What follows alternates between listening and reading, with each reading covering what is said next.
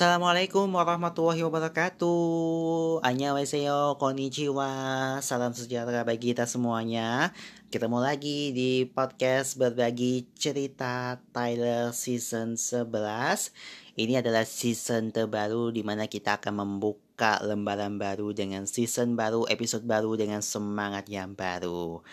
Apa kabar kalian? Mudah-mudahan lah ya kita semua dalam keadaan yang sehat selalu uh, sehat dompetnya, sehat uangnya, dan juga sehat lahir batinnya. Oke, okay? jangan lupa untuk apa ya namanya? jangan lupa untuk follow ya akun Twitter atau disingkat X dan juga Instagram podcast cerita Tyler untuk mendapatkan Eh, episode-episode terbaru dan juga informasi-informasi terkini menarik lainnya semuanya ada di dalam satu genggaman di sosial media kami di Twitter dan juga Instagram podcast cerita Tyler. Nah hari ini kami atas mewakili berdua kami kita akan membahas satu review film ini yang terbaru ya ini review terbaru dari film karyanya Miyazaki yang berjudul The Boy and the Heron. Dan seperti apa sih momen-momen uh, review komentar dari berbagai sosial media? Kita simak yang pertama. Tapi sebelum itu kita akan membahas dulu uh, notice dari film uh, The Boy and the Heron yang sempat lagi booming ya, ya yang lagi sedang tayang hari ini ya. Jadi uh, jadi film The Boy and the Heron karya Miyazaki ini sangat legend banget setelah 10 tahun uh, setelah 10 tahun ya ya. Setelah 10 tahun uh, ini bukan pertama kalinya ya, ya Miyazaki ini memutuskan untuk kembali berkarya setelah mengumumkan bahwa ia akan pensiun. Namun kononnya setelah Princess Momoke ini ya memutuskan untuk berhenti sampai akhirnya dia membuat Spirits Away, The Rise, The Wild Rise yang dirilis 10 tahun yang lamanya ya, 10 tahun lalu juga dikabarkan menjadi karya terakhir Sang Maestro kembali sampai akhirnya ia menemukan atau mengumumkan karya terbaru yang terinspirasi dari novel karya Genza Buto Yoshino. Jadi apa pun alasannya, saya bersyukur bahwa Miyazaki kembali membuat film karena tidak ada pengalaman sinema yang bisa menandingi tangan dinginnya. Jadi film The Boy and the Heron juga pengecualian gitu. Yang satu ini menjadi salah satu pengalaman menonton terbaik di tahun ini. Dibuka dengan strategi The Boy and the Heron ini menceritakan tentang seorang bocah bernama Mahito Maki yang diisi suarakan oleh Soma Santoki yang harus pindah ke desa setelah ibunya meninggal dalam tragedi kebakaran di rumah sakit daerah di Tokyo. Sementara Mahino, Mahito masuk kami ya, masih kelihatan berduka. Ayahnya seperti sudah move on dengan kepergian ibunya. Soichi Maki, ayahnya Mahito ya, sekarang menikahi tantenya yang uh, bernama Nasuko. Diisi suarakan oleh Yoshino Kimura. Di atas kertas semua terlihat baik-baik saja. Bisnis ayah Mahito berjalan dengan begitu lancar meskipun suasananya suasananya itu masih genting Nasuko sekarang hamil dan tidak sabar menjadi bagian dari keluarganya. Tempat tiga Bahito juga luar biasa nyaman, lengkap dengan hutan, rawa, dan sebuah kastil yang terbengkalai. Tentu saja kita tidak bisa menyebut nama Gribi tanpa adanya unsur gaib yang menguat. Burun Heron Berwarna abu yang ada di sekitar rumah sepertinya sudah mengincari Maito semenjak ia pertama kali menginjakan kaki di daerah itu. Tidak lama kemudian bulu heron abu itu berbicara kepadanya menyatakan bahwa ibunya terjebak di kastil tower yang menurut kabar dibuat oleh buyutnya yang esentik. Ketika Nasuko menghilang, Mahito pun bersama si burung heron abu bertualang untuk mencari ke mana perginya si ibu tiri tersebut. Menyaksikan The Boy and the Heron artinya adalah setiap sedia untuk menyembah dengan kenyunyusan sang maestro penulis Hanayo Miyazaki setiap hal yang ada di layar adalah bukti bahwa kita semua sangat beruntung ada di waktu yang sama dengan sang maestro, seorang maestro sendiri. Setelah beberapa produk animasi yang muncul dengan kualitas ala kadarnya, melihat film anime The Boy and the Heron yang dilukis dengan uh, tangan rasanya itu seperti melihat keajaiban untuk pertama kalinya. Kalaupun Anda mungkin bukan fans Ghibli ya, tapi The Boy and the Heron ini adalah sebuah pengalaman sinema yang harus Anda saksikan di layar lebar karena setiap jengkalnya dibuat dengan kesempurnaan tingkat tinggi. Jadi, tidak terhitunglah beberapa kali saya membuka mulut saya dengan penuh kekaguman ketika The Boy and the Hero itu memulai memasuki paruh kedua ketika Mahito mulai bertualang ke dalam ke alam gaib.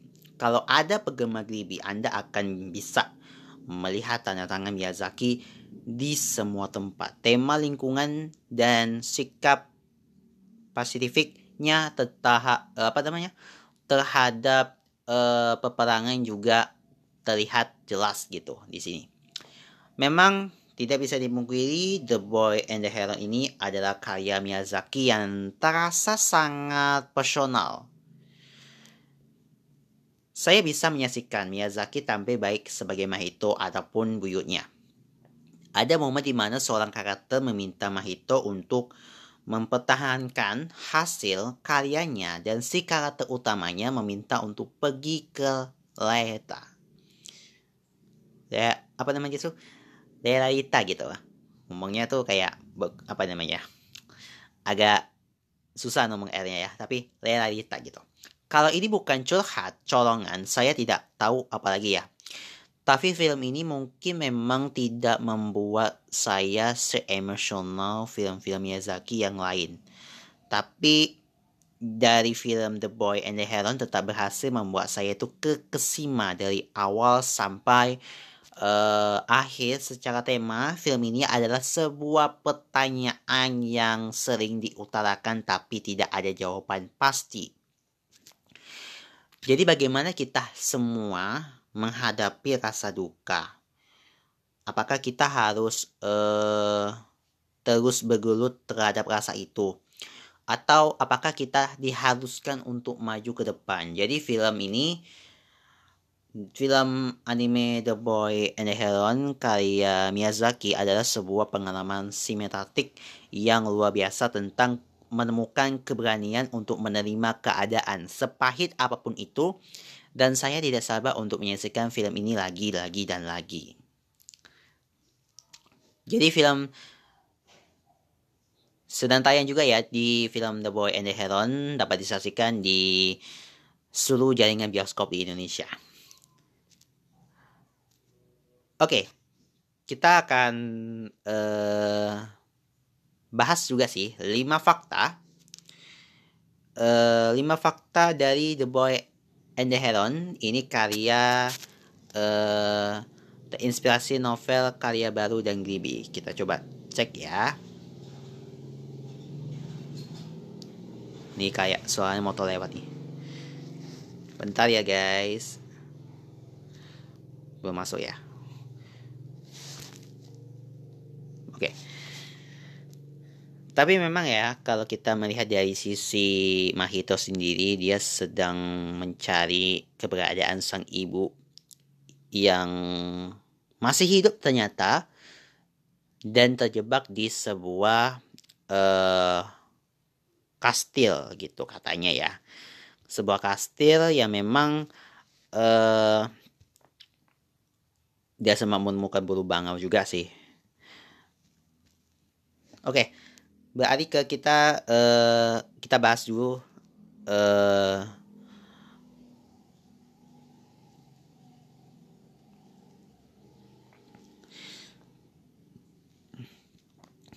Ini sekali banyaknya ya kita pilih satu-satu deh. Nah, jadi kalau kita melihat dari view-nya dari film animasi The Boy and the Heron. Ini genrenya animasi fantasi dan rasanya sih ya rasanya karya Miyazaki ini sudah tidak perlu kita lakukan lagi ya. Sekali lagi ya menghipnotis para penontonnya lewat film karyanya. Bagi saya yang adalah penikmat film ringan rasanya The Boy and the Heron membawa saya kepada pengalaman menonton bak menusui berbagai makna hidup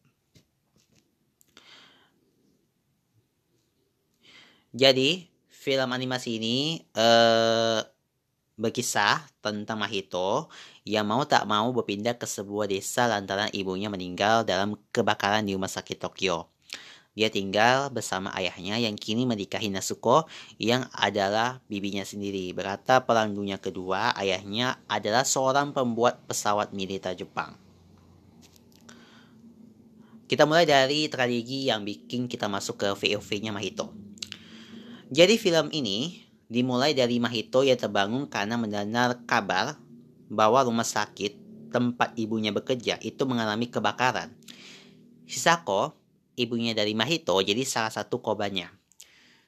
Sekonyong-konyong kita langsung dibawa pada posisi seorang anak tunggal berusia uh, eh, 12 tahun ya, yang harus beradaptasi dengan banyak hal Tak hanya soal pindah ke desa, ia juga harus menerima bibinya yang jadi istri kedua ayahnya. Memang nggak butuh waktu lama untuk kita bisa merasakan hampa dengan dinginnya kehidupan Mahito dengan segala kondisi yang ia alami saat ini gitu. Apalagi ketika Nasuko hamil kan, bagaimana ia nantinya harus menerima adik barunya di tengah duka kehilangan ibu Sekeras apa pun Nasuko mendekatkan diri dengan Mahito. Suatu hari, Mahito tuh sering diteror burung cangak abu-abu. Kata burung cangak itu adalah ibunya masih hidup. Bahkan kalau kita tidak melihat jasad ya kata burung itu meyakini dari situlah bersama Mahito kita bawa ke kehidupan magis yang sungguh bikin kita bertanya-tanya how do you live? Seperti judul novel karya Genzaburo Yoshino yang diadaptasi film ini. Dan menarik kita untuk multidimensi yang begitu kompleks. Secara sederhana ya, film ini adalah tentang bagaimana Mahito berdamai dengan segala keadaan, namun menuju visi itu kita bisa dibawa lah ke berbagai dimensi yang begitu kompleks. Mungkin bagi yang belum apa namanya yang belum terbiasa dengan karya yang Gibi ya, dimensi yang ini terasa absurd gitu. Mahito yang terus-terusan diganggu akhirnya mendatangi si burung cangga. Perjalanan Mahito menyusuri berbagai dimensi itu pun dimulai. Dari situlah ia bertemu dengan berbagai tokoh lain yang menambah keseruan perjalanannya. Abda banyak hal yang bikin kita lebih memaknai perjalanan Mahito yang melintasi berbagai dimensi kehidupan. Bahwa mungkin kumpulan burung sepele ya kalau bisa diartikan bisa memasak manusia dimensi lainnya atau bisa atau mungkin musuh kita gitu. Di lain kondisi bisa jadi teman berpetualangan yang pada akhirnya menyelamatkan hidup kita. Kayak uh, tenang gak ya? Tenang gitu.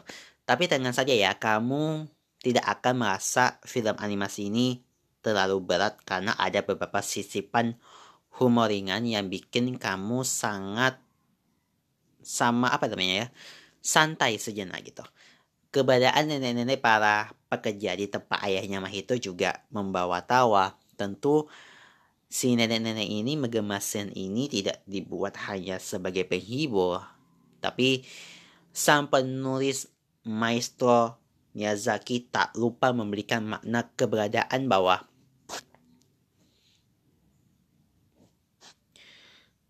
mereka pada akhirnya Mahito pun menyadari bahwa nenek-nenek ini lebih dari sekedar pekerja di keluarganya.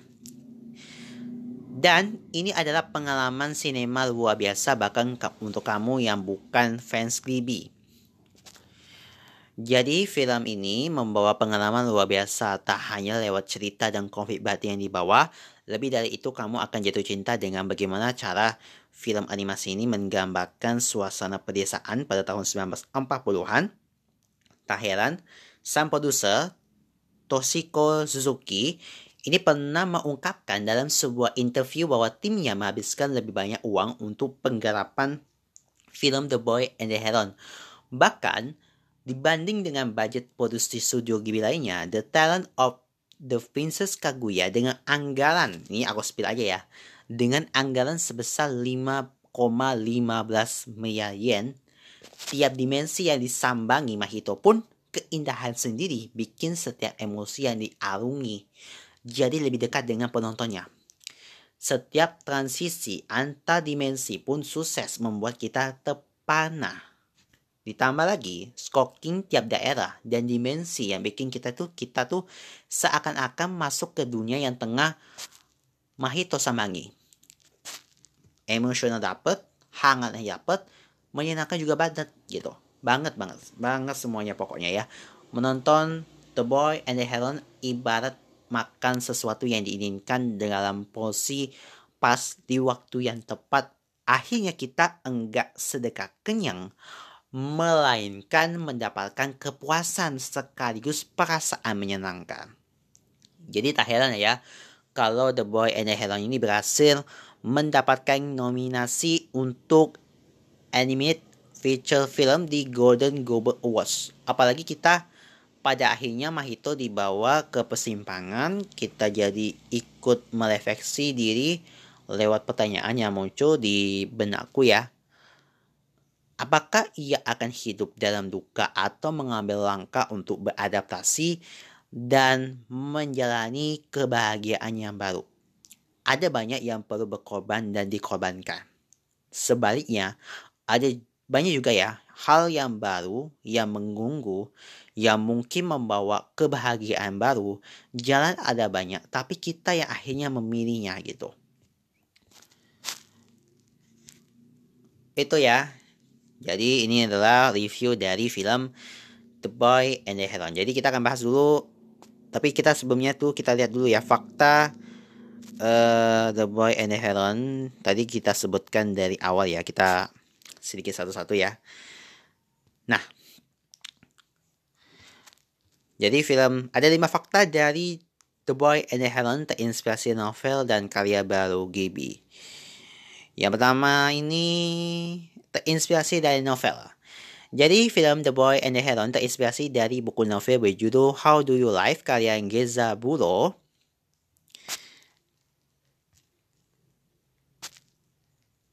Jadi buku tersebut ternyata menjadi salah satu bacaan favorit Miyazaki saat masih kecil. Novel tersebut terbit pertama kali pada tahun 1937 dan menjadi salah satu karya sastra populer dalam pendidikan seni klasik. Buku itu juga dinilai sebagai bagian dari sastra anak.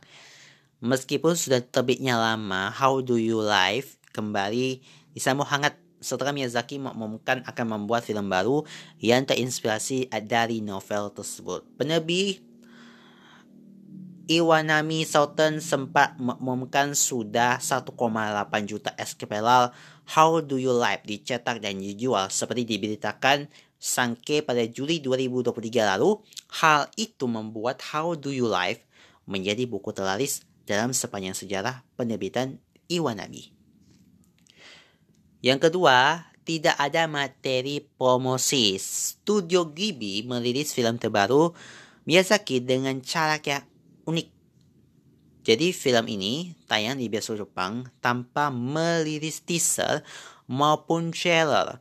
Film tersebut hanya merilis satu buah poster ilustrasi. Selain promosi, mereka juga tidak membeberkan lebih lanjut mengenai karakter pengisi suara apalagi plot untuk How Do You Live. Jadi Toshiko Suzuki selaku produser menjelaskan alasan di balik strategi tersebut. Ia merasa penonton sudah bosan dengan marketing yang sama sehingga ia ingin melakukan hal yang berbeda. Nah, sembatnya nih, teaser dan teater baru dibuat dan dikeluarkan ketika The Boy and the Heron dipastikan tayang di Amerika Serikat. Kita lanjut ya. Ini juga salah satu film animasi termahal di Jepang. Kita lanjut ya. Sementara ini ada masih ada iklan dulu kita lanjut. Oke.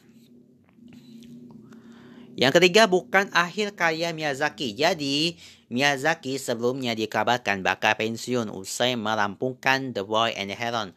Namun ternyata rencana itu sempat dibatalkan. Sutradara Jepang yang kondang itu disebut sudah memiliki cerita baru untuk garapan film baru.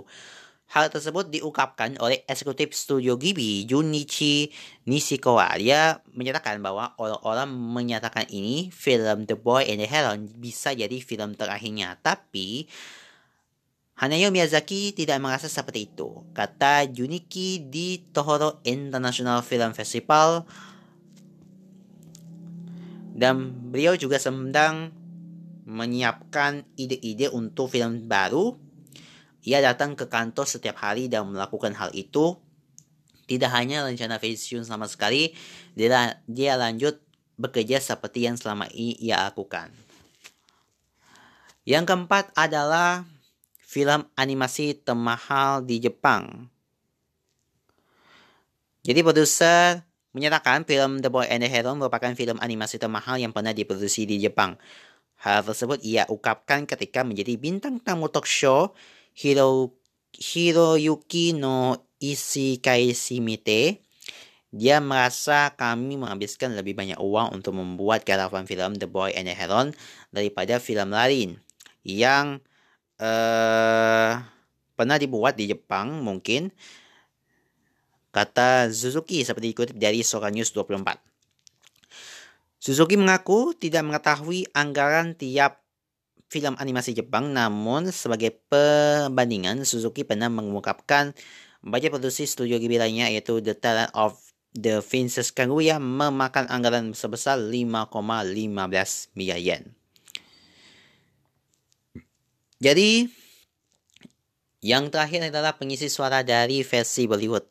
The Boy and the Heron memiliki pengisi suara dalam bahasa Inggris yang dibidangi oleh aktor-aktor ternama Hollywood seperti Luca Pandovan, dipercaya sebagai pengisi suara pemeran utama sebagai Mahito Maki, sedangkan Robert Pattinson mengisi suara buruk Cangga Abu-Abu alias The Grey Heron, Karen Fukuhara mengisi suara Lady Himi, Gemma Chan sebagai Nasuko hingga uh, Dave Batusia sebagai uh, The Mark The Parakeet King. Selain itu, film animasi ini juga menganggang William Dafoe sebagai novel Perichan, Mahamil sebagai Gan Uncle, dan Christian Bale sebagai Shinichi Maki yang merupakan ayah dari Mahito. Itu tadi ya beberapa uh, fakta menarik dari film The Boy and the Heron yang sempat tayang di bioskop di Indonesia sekarang ini ya, di bioskop Indonesia ya. Dan kita akan lanjut dengan berbagai komentar-komentar dari netizen terkait dengan review dari film The Boy and the Heron. Kita buka ya.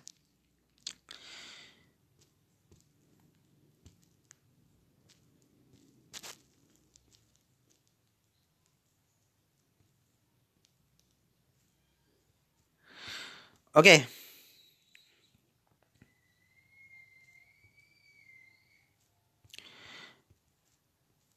Kita akan lihat. Nah.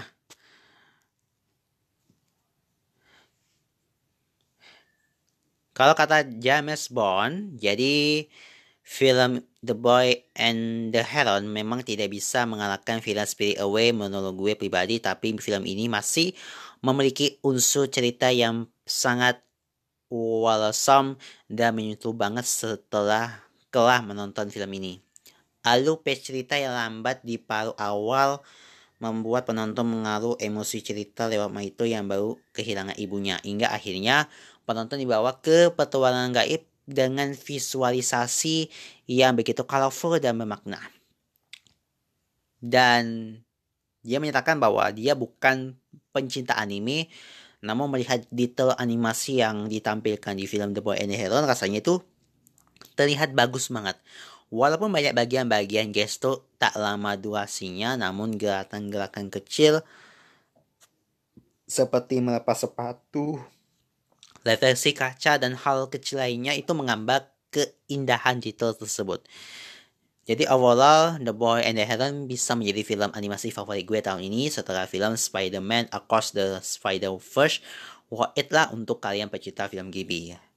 Rekomendasinya itu 9 per 10. Lanjut.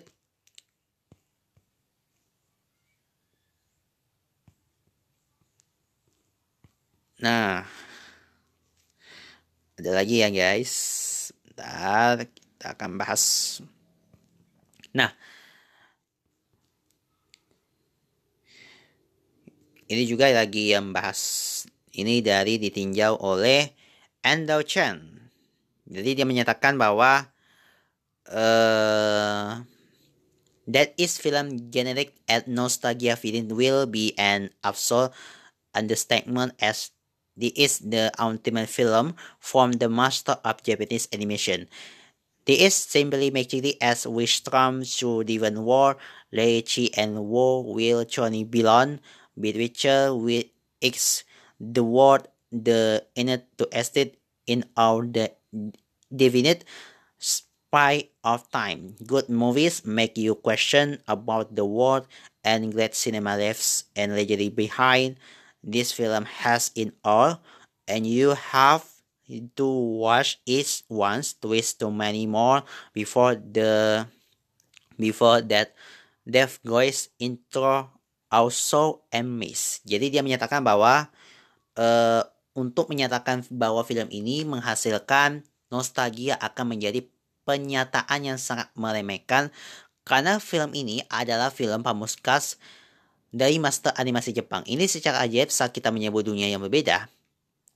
Realitas dan siapa yang sebenarnya kita miliki itu apakah itu dunia itu yang cenderung kita ada atau ruang waktu yang kita berbeda.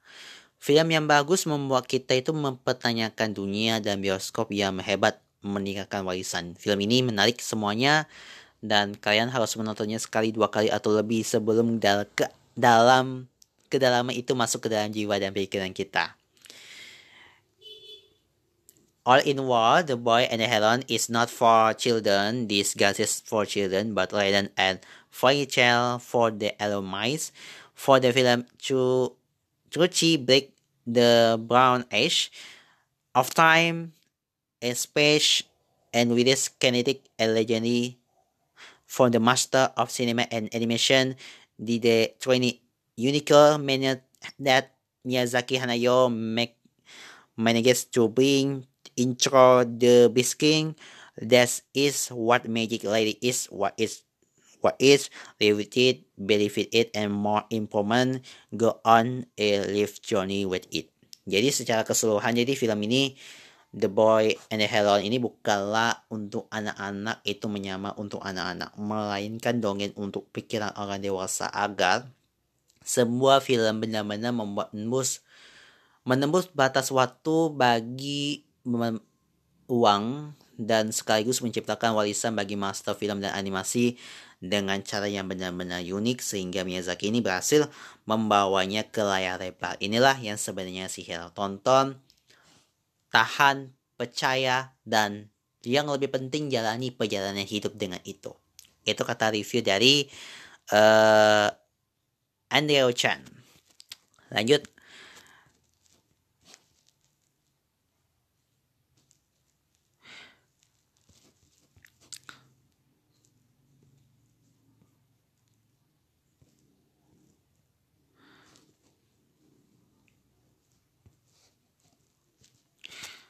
Ada sempat mengatakan tujuh ya, kita bahas dulu ya. Jadi ulasan saya tentang The Boy and the Heron secara visual seperti biasa itu indah. Animasinya luar biasa, burung bango dan makhluk lainnya menakutkan dengan cara yang baik dan pengguna penggunaan CGI yang kecil tidak sombong. Ini studio Ghibli udah mantap lah gitu pokoknya. Jadi ceritanya agak luar biasa, saya menikmatinya tapi saya tidak berpikir saya mendapatkannya gitu. Sepertinya ada di mana-mana. Saya akan menyatakan itu lebih dari sebuah pengalaman daripada sebuah cerita garis lurus yang lain menyebutnya mimpi demam. Aku bisa melihatnya karakter-karakternya ini benar-benar berubah dan tidak pada saat yang sama untukku. Dan akhirnya hanya ada di sana dan hanya itulah. Saya menikmati acting suara dan musik yang megah seperti biasa. Aku tidak pernah ya bisa melihat usaha dan paket yang sama lagi dalam semua saya memberikan 7 bintang dan itu mungkin sedikit tinggi tetapi animasi membantu memunculkan lebih banyak untuk saya.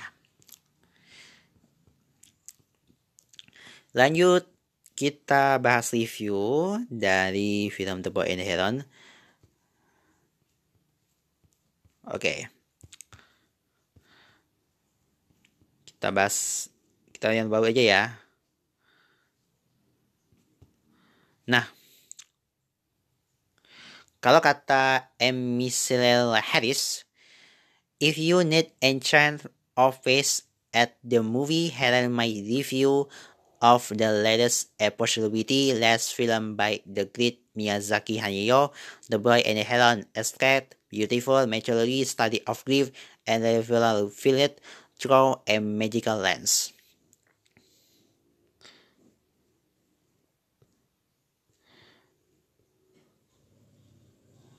Oke.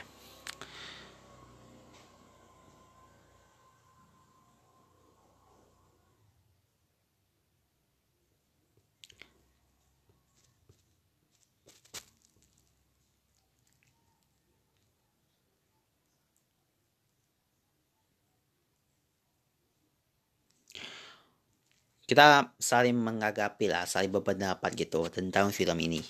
Jadi kata katanya Uh, the new film definitely has the same with Wim Skillal animation style just like in all of his autumn films. It was filling with creative catches behind colors and attention to detail in beauty which I didn't enjoy. Jadi film baru ini pasti memiliki gaya animasi aneh yang sama seperti di semua film lainnya. Itu diisi dengan makhluk kreatif, warna-warna cerah dan perhatian terhadap detail gitu dalam bangunan yang saya nikmati. Jadi namun ada beberapa hal yang sepanjang film yang membuat saya bingung tanpa terlalu rinci lah gitu. Beberapa paket berikan dan gumpalan hatu kecil yang aneh. Sejujurnya ini aku merasa bosan menonton film ini. Aku merasa ya, aku tidak merasa film ini memiliki percikan seperti film-film yang lain. Sekarang dia mengerti arti dari balik film ini karena film ini berurusan dengan kesedihan, cinta, kasih sayang, dan banyak emosi lainnya. Tapi kecepatan di mana puasa itu datang terasa terburu-buru. Dan hal lain yang membuat saya terkesan adalah musik. Saat menulis ulasan ini, saya sedang mendengarkan skor dari film dan sejujurnya saya bahkan tidak ingat mendengar di film The Music uh, The Boy and the Heron yang tidak mengesankan gitu. Kayak not memory gitu. Jadi menurut pendapat saya sih menurutnya film ini memang uh, gimana ya? Uh, film ini memang apa namanya ya? Film yang kurang puas gitu, kurang kurang mendapat suasana gitu. Aku merasa sangat seperti bermurah hati untuk menyenangkan beberapa orang dengan memberikan film ini dengan skor 5 per 10. Itu tadi ya. Dan masih banyak sih yang kita bahas-bahas dari film The Boy and the Heron. Nanti kita akan bahas review-review lagi ya. Kalau nggak tahu kapan. Tapi thank you banget yang sudah dengerin. Dan jangan lupa komen kami kalau ada yang mau. Di Spotify, Twitter, dan juga Instagram boleh. Nanti kita akan bahas review-review sedikit dari film ini ya. Thank you banget dan sampai jumpa lagi di episode berikutnya. Bye-bye.